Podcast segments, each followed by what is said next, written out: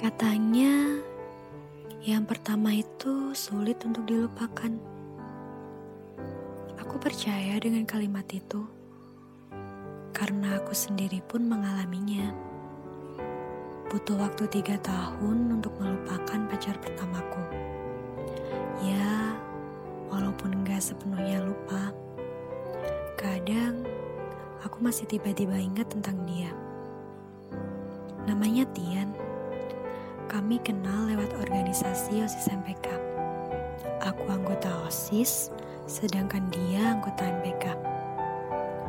Ada suatu kejadian yang akhirnya membuat kami lumayan sering bertukar pesan. Hanya percakapan sewajarnya teman, karena waktu itu dia sudah punya pacar dan aku juga sedang dekat dengan orang lain. Tian putus dengan pacarnya. Aku nggak tahu apa penyebab pastinya. Bertepatan juga saat itu hubunganku dengan seseorang yang sedang dekat denganku juga mulai renggang. Kami pun sering curhat-curhatan. Di akhir periode OSIS MPK, aku merasa perlakuan Tian sedikit berbeda. Aku kerap memergokinya sedang menatapku dengan tatapan yang aneh. Aku heran dan sedikit geli dengan tingkahnya itu. Karena kami terbiasa bercanda, aku sering mengejek dia karena dia penganut aliran bucin dan tukang galau.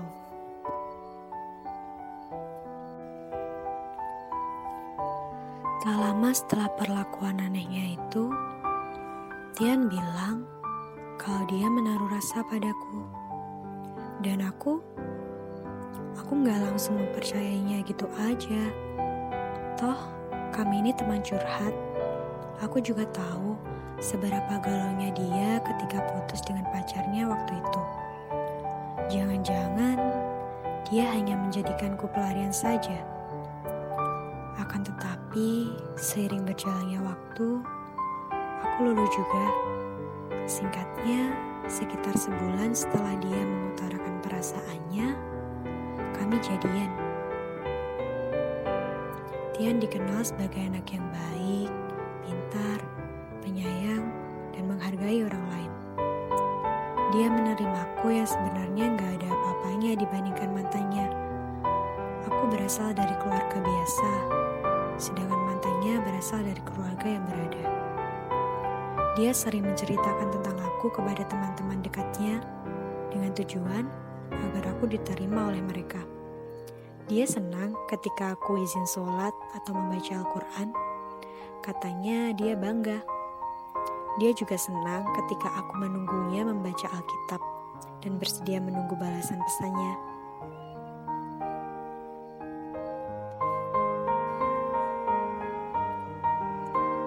Sejauh yang kami jalani, semua berjalan lancar. Nggak ada masalah dalam hubungan kami. Hanya saja, banyak orang yang membenciku karena aku berpacaran dengan Tian. Aku nggak mau menyalahkan orang lain. Sejujurnya, aku merasa ini adalah salahku yang terlalu cepat menerima Tian. Ternyata mantan pacar Tian masih belum bisa move on dari Tian. Awalnya aku merasa baik-baik saja, tapi makin hari makin sulit. Tian jadi beda, berubah. Mungkin dia muak juga karena sering disalahkan dan didesak oleh teman-teman mantan pacarnya. Tapi kalau dipikir ulang, iya juga sih. Kenapa dia memilih aku yang jelas-jelas enggak ada apa-apanya ini? Aku jadi merasa berjuang sendirian. Mantan pacar Tian juga lumayan sering apel ke rumah Tian. Kenalan sama kakaknya juga. Teman-teman mereka juga masih sering menjodoh-jodohkan mereka. Pokoknya aku ini seperti nggak dianggap ada. Perasaanku itu nggak ada artinya buat mereka. Waktu itu kami memutuskan untuk mengakhiri hubungan kami. Tapi nggak lama setelahnya kami balikan lagi.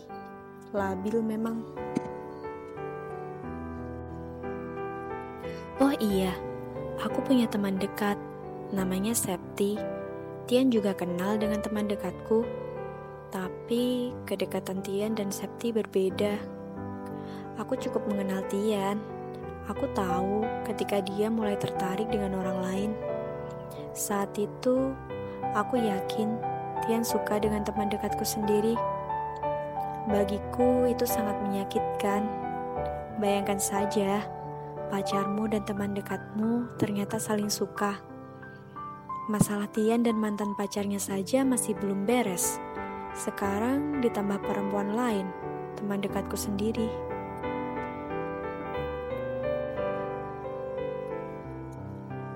Karena akhirnya aku sadar, memaksakan sesuatu itu bukan hal yang baik, akhirnya kami memutuskan untuk mengakhiri hubungan kami. Tian masih baik padaku. Dia juga bilang bahwa dia masih ada rasa padaku. Aku yang bodoh ini menganggap dia tulus dan percaya-percaya saja.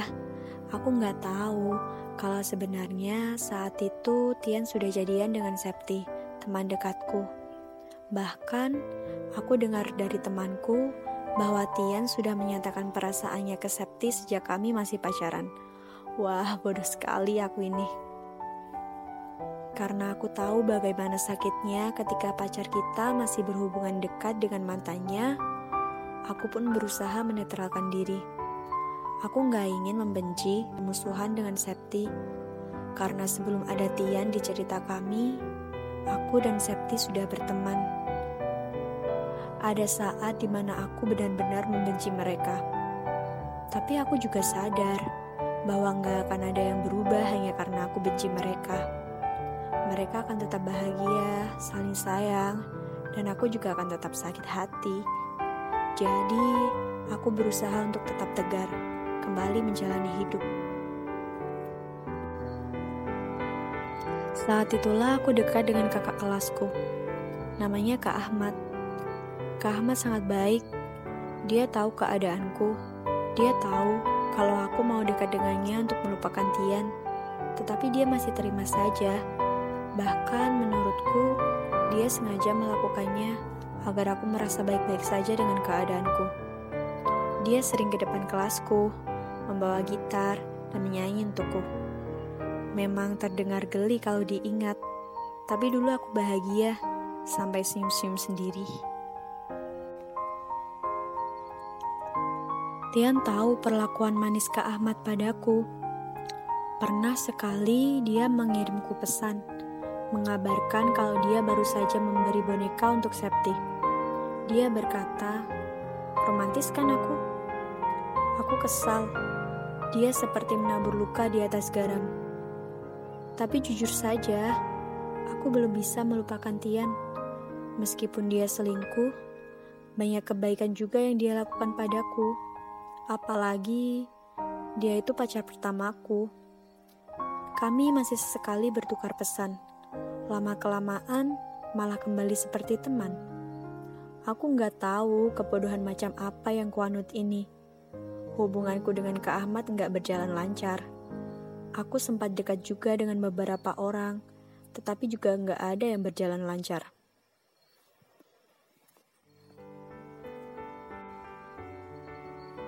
Sampai akhirnya Tian putus dengan Septi. Bukan karena aku masih dengan masalah yang sama, mantan pacar Tian yang pertama.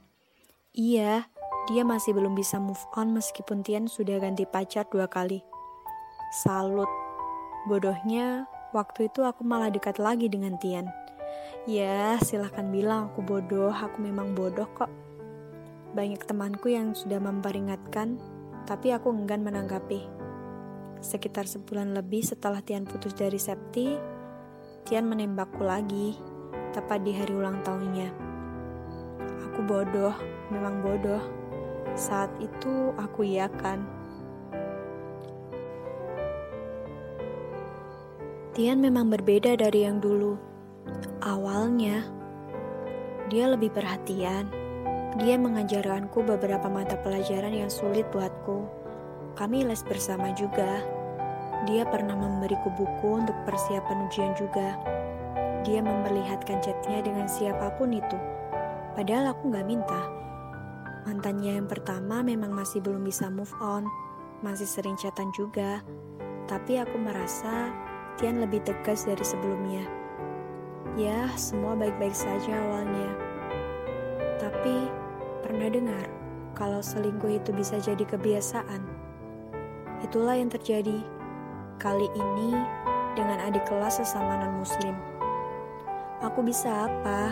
Sudah beda keyakinan, beda perasaan. Tentu saja, akhirnya aku sakit sendirian lagi. Dia memutuskanku beberapa minggu setelah kelulusan. Untung saja, karena setelahnya kami juga berpisah tempat. Aku memutus semua kontak dengan dia untuk sementara waktu. Tian jadian dengan adik kelas itu. Dengar-dengar, Tian masih belum bisa konsisten dengan satu orang.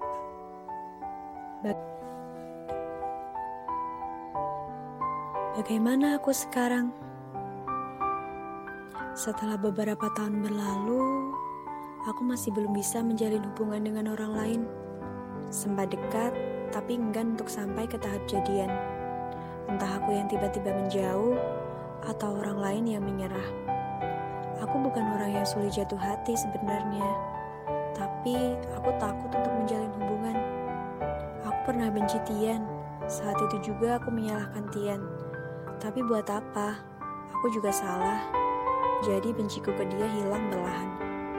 Seperti yang dia bilang, aku nggak boleh mengenang keburukannya saja.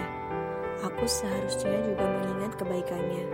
Bagaimana dia membantuku sebelum ujian misalnya. Waktu itu, dia bisa saja memutuskanku. Aku sadar dia sudah mulai bosan, tapi dia memilih menunggu hingga ujian berakhir. Tapi, pada akhirnya aku paham bagaimana semesta menulis cerita yang di dalamnya banyak pelajaran berharga untuk kita. Bagaimana setiap luka menjadikan kita lebih kuat di kemudian harinya.